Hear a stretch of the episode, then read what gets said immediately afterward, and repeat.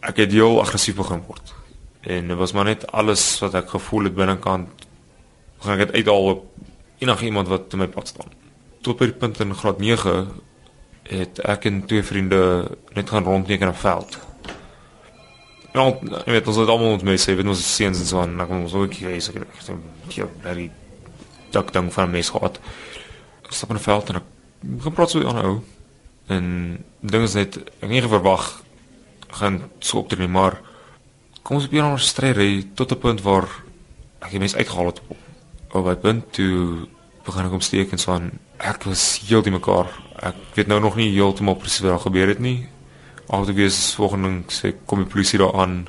Kom ek by die polisie van Krugersdorp daar en vanaf was ek die ammo toe want op tyd was ek net 16 hulle wou eintlik vir my oorspronklik 'n uh, broedtommer gegee het ons sien ek het hom 13 keer gesteek ja, is trots op hom maar dit is dit is wat dit is. Einde van 2012 in Augustus was ek nou gefonnis hy won ons ja dit was 'n uh, 'n skok en het gesê reg het 8 jaar. Eerlikwaar baie het ek gesê wel as my as ek moord gebruik maak my maar eerder dood as ek my nou 8 jaar van my familie wegvat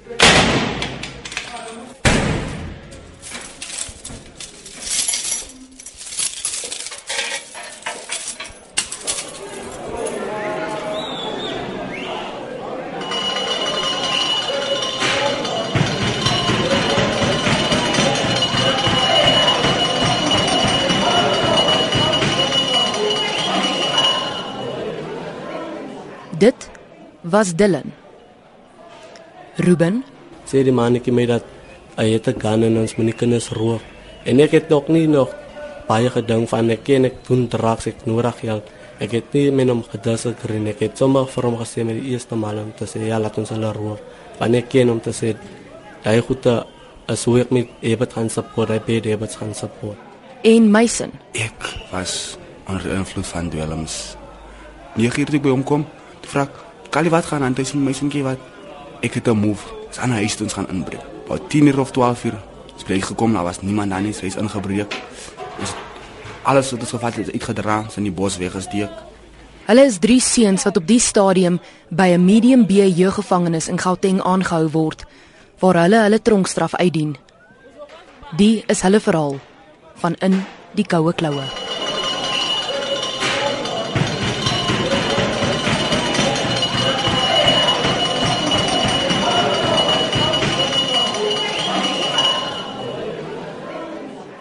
Pieter de Weert is 'n advokaat wat spesialiseer in kinder- en jeugreg. Omtrent die enigste verskil tussen 'n verhoor vir 'n jeugdige en 'n volwassene is dat die verhoor en of pleit in 'n uh, in kamera plaasvind. Dit beteken uh dis nie oop vir die publiek nie. Dis 'n wegbreek van ons beginsel van van openbare verhore. Maar onder 18, ek meen die, die feit van die saak bly sit. Dit is 'n kind hierdie. Ek het dit alself gesê tydens vonnisverrigting. Ek sit met 'n man wat die skuldig bevind word in sy tweede veroordeling vir roof. Hy besef nie die omvang van sy misdryf. Dis te verstaan. Hy is 16. Uh, Elke saak is sy eie saak. Elke ding word op sy eie oorweeg, maar dit is 'n reuse oorweging by vonnis dat die ouetjie onder 18 is.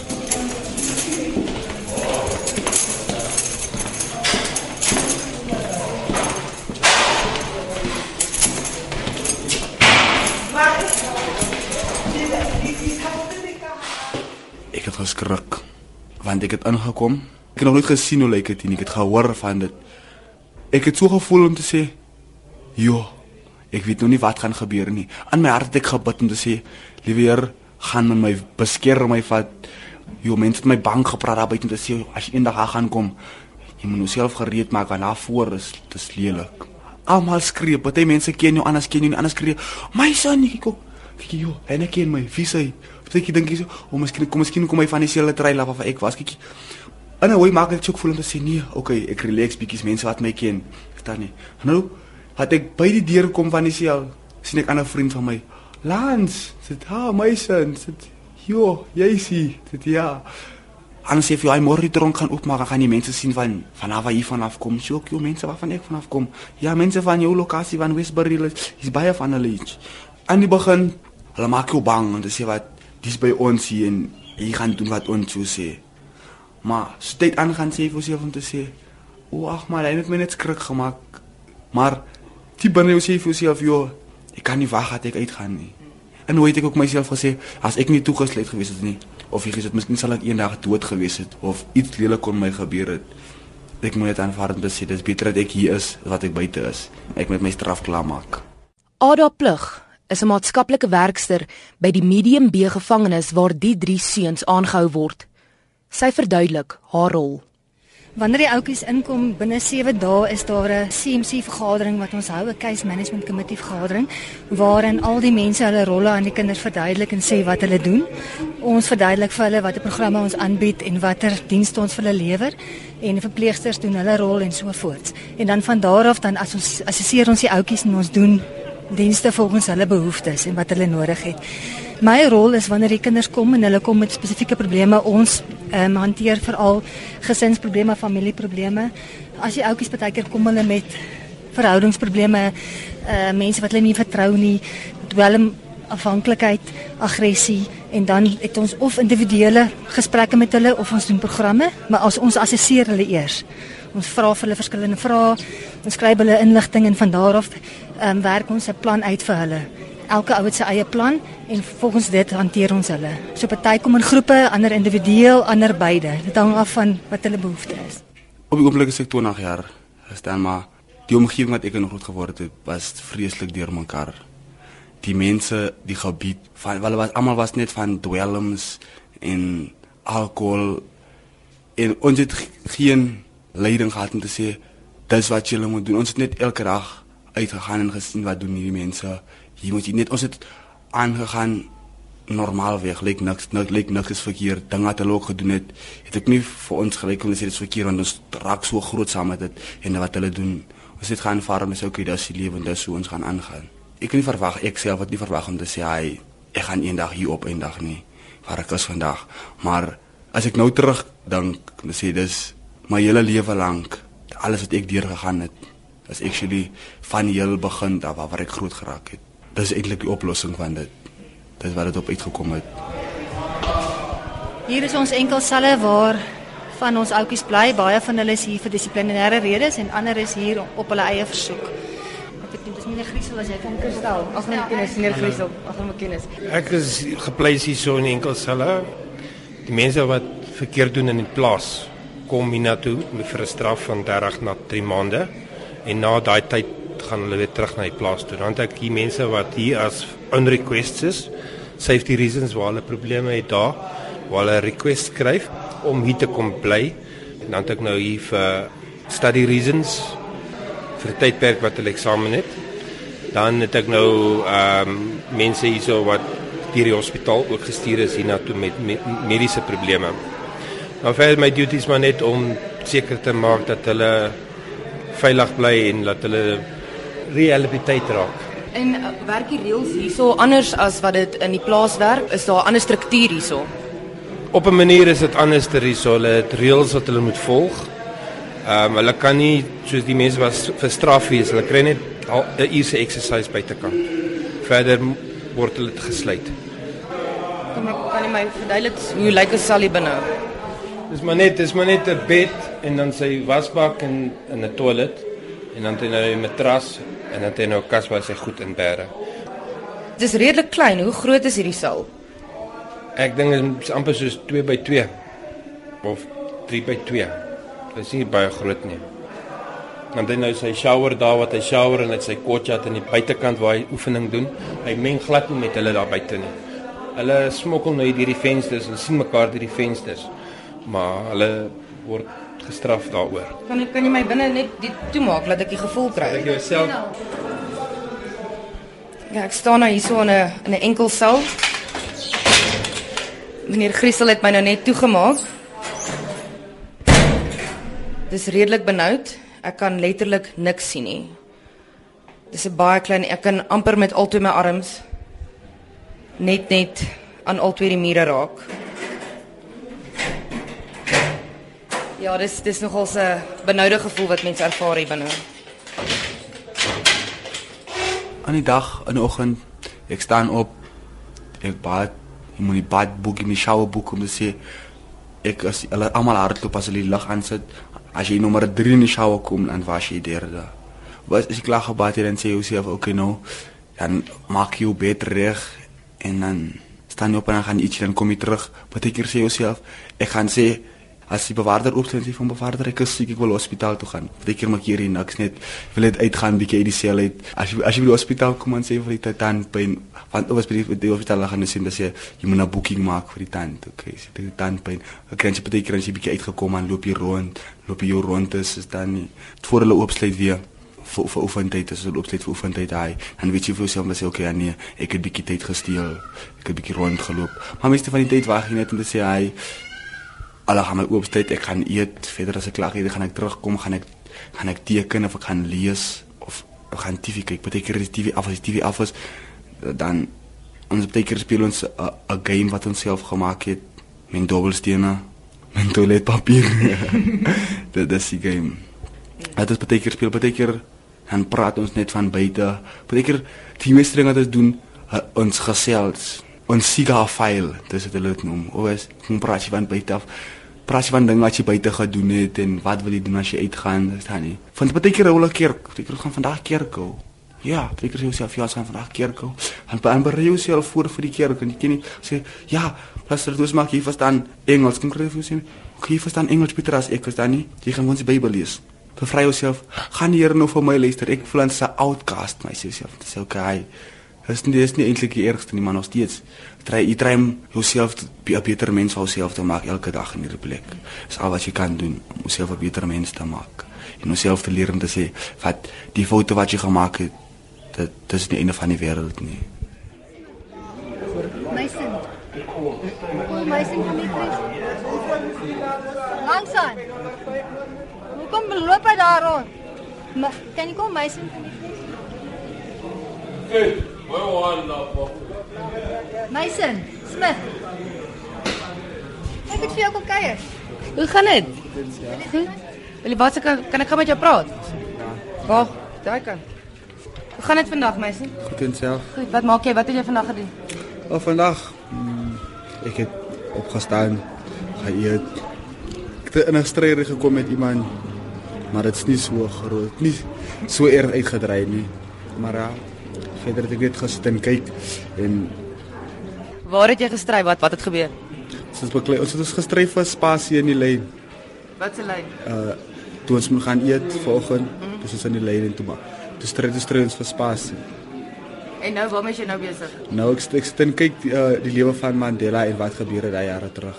En hoe lyk die res van jou dag? Wat gaan jy doen? Gaan jy later uitkom? Wat Ja, ons gaan uitkom later om te eet en dan gaan ek hier is nie my seel nie, maar dan gaan ek terug na my seel toe langsaan. En miskien gaan ons sokker speel vandag. Ja, dis die res van die dag en as dit klaar is, miskien lees of 'n ding. Dankie meisie. Maar om so te slaap in bed en as jy net so links kyk, regs kyk, is dit rye van ouens, rye van ouens. Weerskaf van jou is dit ook rye van ouens. Die geen privasie is heel irriterend. Maar as een stort, twee sinke, een journal en een toilet. Ja, nee, dit is nie nie nice nie. Nie die 100% se higiëniese manier om te lewe nie. Want mense weet ook nou nie wat doen daai persoon nie stort nie. Men die stort is oop.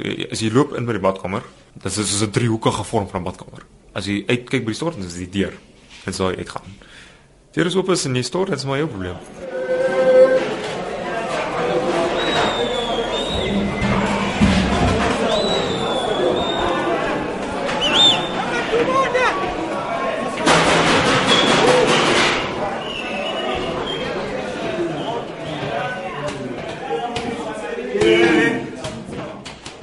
Dink hoe hoe hulle dink is ek, ek verstaan dit nog nie. Hoe hoe kan jy dink as jy nou aankom is net hier vir nog stond nog. Men jy moet nou mos nou bewys dat jy 'n beter persoon word. Nou, nou wil hulle bewys nie, hulle is nog erger. Net hier een of ander uh, tattoo wat hulle opgesit in tronk. Hoe kan jy nou kom en dan doen jy daai hulle met wetslat. Dis dit weet dan dan beteken dit jy is nou deel van daai groep, jy het daai tattoo op jou. Jy volg hulle jy volg nie meer die wet van die tronk nie. Dit kom net neer op van wat doen jy met jou tyd? Gaan jy nou reg nog voor sit en ander mense steek met 'n stuk glas? Hulle breek die glas en dan huil hulle as reën inkom. Ek die beste doen met my tyd. Reg waar. Maar nog steeds is dit daar die mense wat hulle wil nou as prins ander dinge moeilik maak vir ander mense. Maar nou en dan besluit hulle nie hulle wil nou weer beklei. En dit is so iets so stupid. 'n Halwe sigaret. Kan jy dink jy sal op 10 rand betaal vir 'n sigaret? Gaan hulle iemand steek vir? En as hulle altyd vir weerskante groepe is, gaan die altyd groepe na mekaar gaan lelik steek. Dan sit dit noem Operation Mala. Beteken toemaak. Was jy geweest? Hierso, ja, maar nie soos met stekery nie. Ek bedoel ek, was al geslaan met 'n besem, na die breek in stukke. Maar ons hulle vang drade, hulle maak drade oop en dan doen hulle allerlei snaakse dinge met dit nou met hulle radio's en alles tot om rubber te hê. Is gevaar. Want 'n stuk rubber dan gaan dit nou brand en maak dit nat, vryf dit lekker teen die hand, skryf dit op, so 'n tattoo. En die manier wat 'n tattoo is met 'n nalkie. So ek kan dink ek weet nie of dit weet nie, maar 'n masjien is seer genoeg. Nou doen dit een.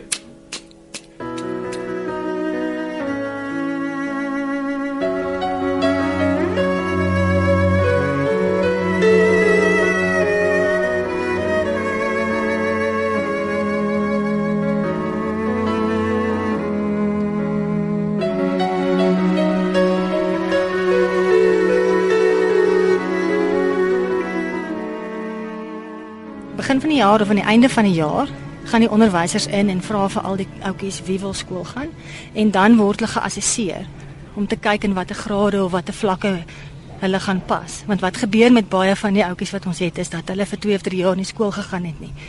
Hy het dalk opgehou in graad 10 en nou wil hy graad 11 toe gaan. Maar as hulle hom toets, dan het hy nie die kapasiteit om graad 11 toe te gaan nie omdat hy lank terug in die skool was. So hulle assesseer die ouetjies en dan volgens dit word daar bepaal in watter klasse hulle gaan kom. En dan is dit maar 'n normale proses. Ons het 10 opgeleide onderwysers wat vir ons werk en hulle hanteer ons skool en hulle hanteer die klasse en hulle skryf eksamens soos enige ander skool kan skryf hulle eksamens. En dan word hulle bevorder of hulle moet maar herhaal vangende van leidslae.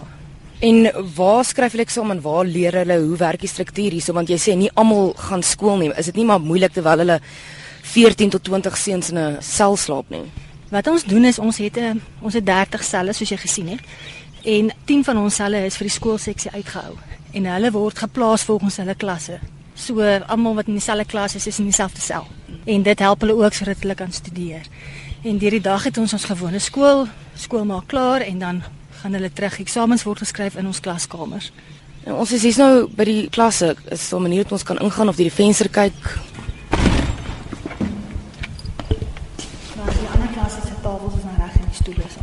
So die swart bord voor en dan ons tafels en stoele selfde as 'n ander skool. So hier is maar 'n plek waar van die leerders wat hierso kom half normaal kan voel, voel of asof hulle buite is. Ja, omdat dit ehm um, buite die tronk self is. Hulle stap uit by die hek en kom in die skool in. Ek dink baie van hulle het al vir my gesê dat hulle voel meer vry hier want hulle kan buite toe sien. Ons kan die Lone Hill koppie sien van waar ons staan. So hulle het 'n goeie uitsig hierso. Ons moet deur so 'n hek gaan, kontrol, dan is al 'n hele skool area. As jy nou deel van 'n klas is, jy verander nie klas nie, jy bly in daai klas heel dag. Maar as jy eh, ek weet te sê, jy meer vrylikheid. So dit voel meer soos buite, voel nie soos die tronk nie. En mens voel mens. Al ou flop is dat daar is die van wat, wat smokkel daarso. Hulle gaan net skool toe om uh, smokkel te kry. Sigarette, uh, daggas dinge. Dan is daar ander wat hulle gaan skool toe maar net om tyd te stoot. So hulle vat dit glad nie ernstig nie. Res van die tyd nee, meeste van ons net rond. Hulle het nie veel van 'n aspek van doen jy huiswerk tipe goeders nie. Hulle ons ook nie huiswerk gegee nie, maar want as jy moet dit self studeer. En ons het ook uh, hulle nuwe karry goed hê wat, translate na uh, laat ons leer. En dit is fantasties want daar is soveel ouens hierso wat glad nie weet hoe om te lees of skryf nie. So nou is dit 'n program wat hulle gehelp het om verder te bevorder in te gaan lees en skryf en wiskunde te kan doen en so aan. Met dit is daar ook 'n buitekantse mense van Investec wat hier gekom het met uh agriculture. So nou het hulle eie tuin daarso waar hulle leer om allerlei soort vrugte, groente, dinge te groei. As hulle nou te oud raak vir medium B, dan kan hulle gaan na by medium A. Dan van daar af kan hulle nou werk. Met dit is dit fantasties. As jy buite gaan, dan kan jy wys kwalifikasie is iets wat gewig het. Dit wys net jy is nie meer uh onnooselde ding. Jy het waarde in die wêreld. Jy moet dit net gebruik. Is dit moontlik om 'n jong mens te rehabiliteer in 'n omgewing waar klomp misdadigers as ek daai woord kan gebruik in een omgewing geplaas word waar nie almal se doel en se fokus noodwendig dieselfde is om gerehabiliteer te word nie. Dit is 'n groot uitdaging. Dit is vir ons groot uitdaging, maar dit is ook groot uitdaging vir elke ouetjie wat hier inkom, want hulle moet die individuele besluit neem. Ons kan die programme doen en ons kan vir die raad gee en ons kan die inligting verskaf, maar op die ouende is hulle eie besluite oor wat hulle daarmee wil maak. Wanneer hulle inkom, word daar vir hulle verduidelik watter keuses hulle het in die gevangenis en wat hulle kan doen en nie kan doen nie. En dit is hulle besluit om te besluit waar, waar wil hulle inval en wat wil hulle doen en wat wil hulle nie doen nie. So ons probeer hulle baie sover as moontlik aanmoedig om programme te doen of om deel te neem en meeste van die ouetjies doen want ons het ook rekreasie met sport en al daai goede ook so ons het ouetjies wat daaraan deelneem. Op die ou ende is dit 'n individuele besluit vir elke ouetjie of hy dit wil doen of nie. Dit is 'n uitdaging, maar ek dink ons vorder goed want ons um, het redelik baie ouetjies wat aan programme deelneem en wat betrokke is by goed.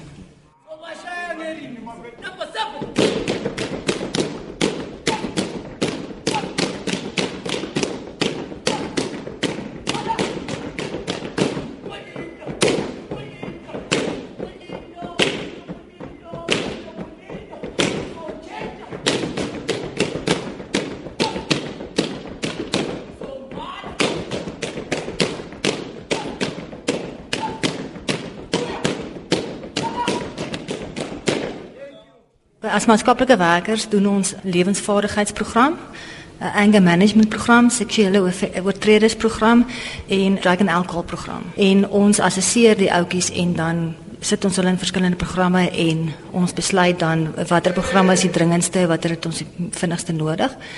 En ons met ons terapeutiese programme het ons nie meer as 12 ouetjies in 'n program nie. Tussen 6 en 12 want dit help die terapeutiese proses. As jy te veel het, dan een of ander rede dit werk net nie baie goed nie. So tussen 12 en 6 ons probeer dit om daai getalle hou.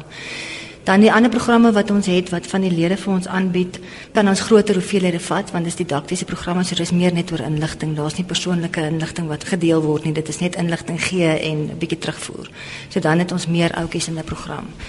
Ons gebruik gewoonlik maar groot wit papiere en 'n koutjie pen en skryf teen die muur. Dan gebruik ek ook baie dinkskram om te kyk hoe vinnig kan ons aan woorde dink wat wat jy kan assosieer met aggressie byvoorbeeld. En ons um, ek gebruik ook klein groepe, ek deel my groep op in twee kleiner groepe en dan moet elkeen 'n aspek bespreek en dan gee hulle terugvoer en die ander groep kan kan dit sê want ek kom nog agter as hulle aktief betrokke is by die proses self, dan onthou hulle goed beter omdat hulle dit self gedoen het.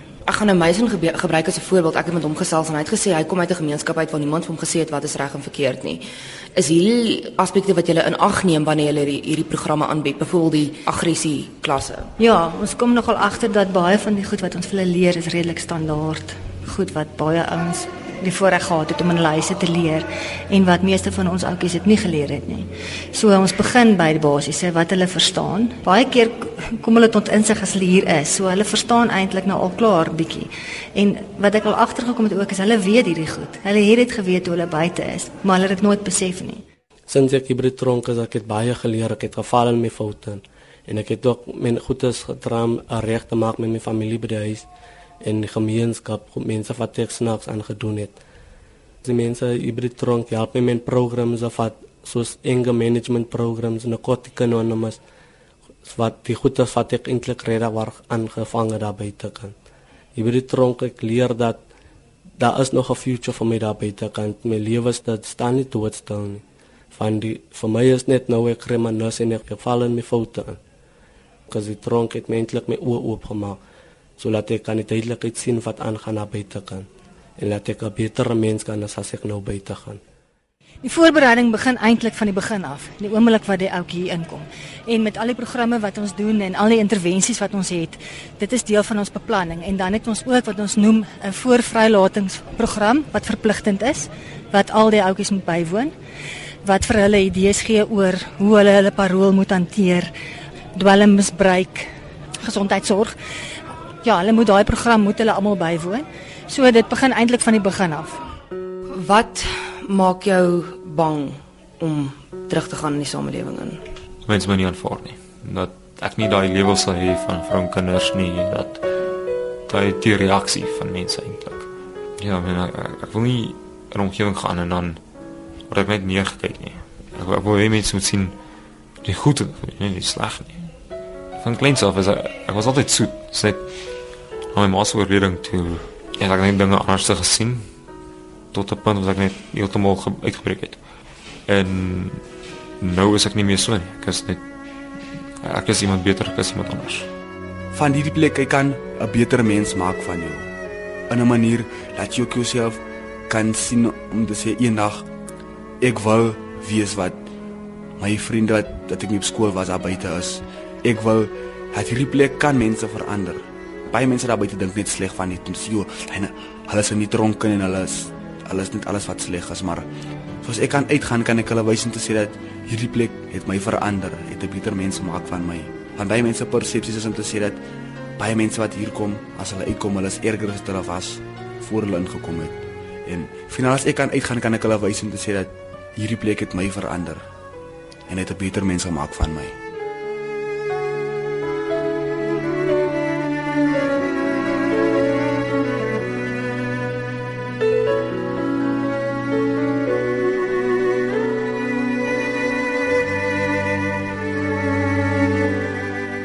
Spesiale dank aan Ruben, Meisen en Dillon, die Medium B gevangenes in Gauteng, Ada Plug en Pieter de Weert vir hulle bydrae tot die dokumentêr. In die koue kloue is opgeneem en saamgestel deur Christel van Tonder.